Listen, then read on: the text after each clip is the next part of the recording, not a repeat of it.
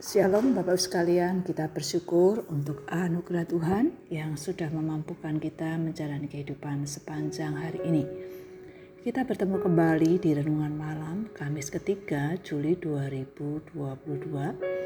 Mari kita tetap memperhatikan relasi kita dengan Tuhan agar di dalamnya kita kedapatan hidup dengan benar dalam pandangan Tuhan. Sebelumnya kita berdoa mohon pertolongan Tuhan. Kami bersyukur ya Tuhan untuk anugerah-Mu yang sudah memampukan kami menjalani kehidupan di hari ini. Kami bersyukur untuk apa yang kami kerjakan pada hari ini. Kami sadari itu karena Tuhan yang menolong kami. Saat ini kami akan membaca dan merenungkan sebagian dari firman-Mu kami mohon Roh Kudus Tuhan memberikan kami hikmat agar di dalamnya kami dapat memahami dengan benar, dimampukan untuk melakukan kebenaran-Mu itu dalam keseharian kami. Berbicaralah ya Tuhan, kami siap untuk mendengar. Dalam nama Tuhan Yesus kami berdoa. Amin. Mari kita melanjutkan perenungan kita malam hari ini kita perhatikan dari kitab 2 Petrus pasal 2 ayat 12 hingga 16. Demikian firman Tuhan. Tetapi mereka itu sama dengan hewan yang tidak berakal. Sama dengan binatang yang hanya dilahirkan untuk ditangkap dan dimusnahkan. Mereka menghujat apa yang tidak mereka ketahui, sehingga oleh perbuatan mereka yang jahat mereka sendiri akan binasa seperti binatang liar dan akan mengalami nasib yang buruk sebagai upah kejahatan mereka. Berfoya-foya pada siang hari, mereka anggap kenikmatan. Mereka adalah kotoran dan noda yang mabuk dalam hawa nafsu. Mereka, kalau mereka duduk makan minum bersama-sama dengan kamu, mata mereka penuh nafsu jinah dan mereka tidak pernah jemu berbuat dosa. Mereka memikat orang-orang yang lemah, hati mereka telah terlatih dalam keserakahan. Mereka adalah orang-orang yang terkutuk. Oleh karena mereka telah meninggalkan jalan yang benar, maka tersesatlah mereka. Lalu mengikuti jalan Biliam, anak Beor yang suka menerima upah untuk perbuatan-perbuatan yang jahat tetapi Biliam beroleh peringatan keras untuk kejahatannya. Sebab keledai beban yang bisu berbicara dengan suara manusia dan mencegah kebebalan nabi itu.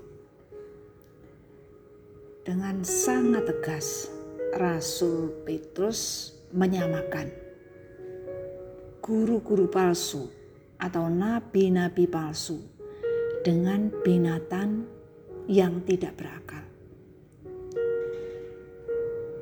mempengaruhi banyak orang dengan ajaran-ajaran yang menyesatkan. Mencela, berbicara yang tidak dimengerti.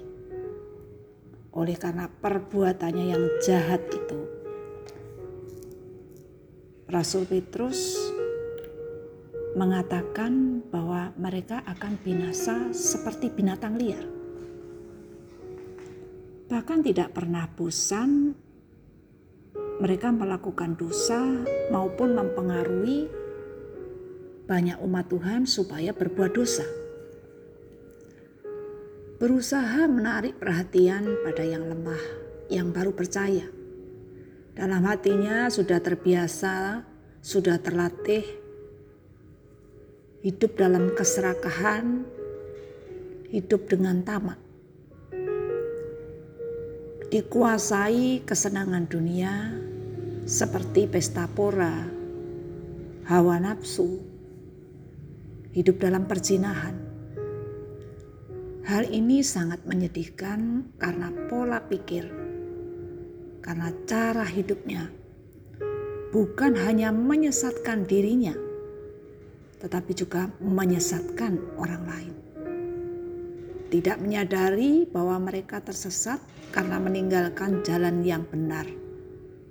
Lebih memilih mengikuti jalan yang salah, yang diikuti Biliam demi kesenangan untuk mendapatkan upah. Menerima upah, menerima uang dari perbuatan-perbuatan yang salah dan jahat. Padahal dengan cara demikian mereka sedang menuju di jalan kebinasaan. Pikirannya, hatinya dikuasai dengan ketamakan. Untuk kesenangan sementara yang pada akhirnya menuju penghukuman kekal. Tuhan memberikan peringatan keras pada Biliam. Teguran yang keras pada Biliam melalui keledai yang dapat berbicara, melalui binatang yang dapat berbicara dengan suara manusia untuk menghentikan, mencegah perbuatannya yang jahat itu. Allah mengizinkan keledai melihat malaikat yang tidak dilihat oleh Biliam. Sebagai orang-orang percaya saat ini, di zaman ini. Marilah kita berpegang teguh pada kebenaran firman Tuhan, sehingga kita kedapatan hidup benar dalam pandangan Tuhan, karena hanya firman Tuhan yang dapat menuntun di jalan yang benar. Ingatlah bahwa pengajaran yang benar pengajaran yang kita terima dengan benar itu akan berdampak dalam tindakan yang benar. Kiranya Tuhan menolong kita semuanya untuk hidup sesuai dengan kebenaran firman-Nya. Mari kita berdoa. Bapa yang di surga, kami bersyukur untuk firman yang terus mengingatkan kami agar kami kedapatan hidup benar dalam pandangan Tuhan. Tuhan tolonglah kami, berikan hikmat, berikan kekuatan untuk terus kami menjalani hidup dengan benar sesuai dengan firman Tuhan. Kami bersyukur memiliki Allah yang benar, yang telah datang ke dalam dunia, memberikan teladan hidup yang benar, mengajarkan kebenaran.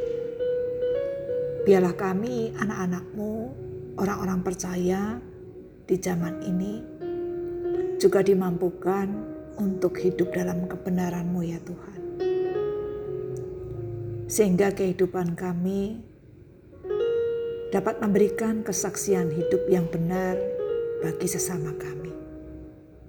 Terima kasih ya Tuhan. Kami bersyukur karena Tuhan bisa memakai macam-macam cara untuk mengingatkan kami agar kami hidup dalam kebenaran firman Bapa kami menyerahkan istirahat malam ini hanya kepada Allah yang benar. Yang kami percaya Allah yang benar itulah yang terus menjaga kami, memimpin hidup kami. Dan esok hari membangunkan kami untuk menjalani hari-hari kami sesuai dengan pimpinan Tuhan.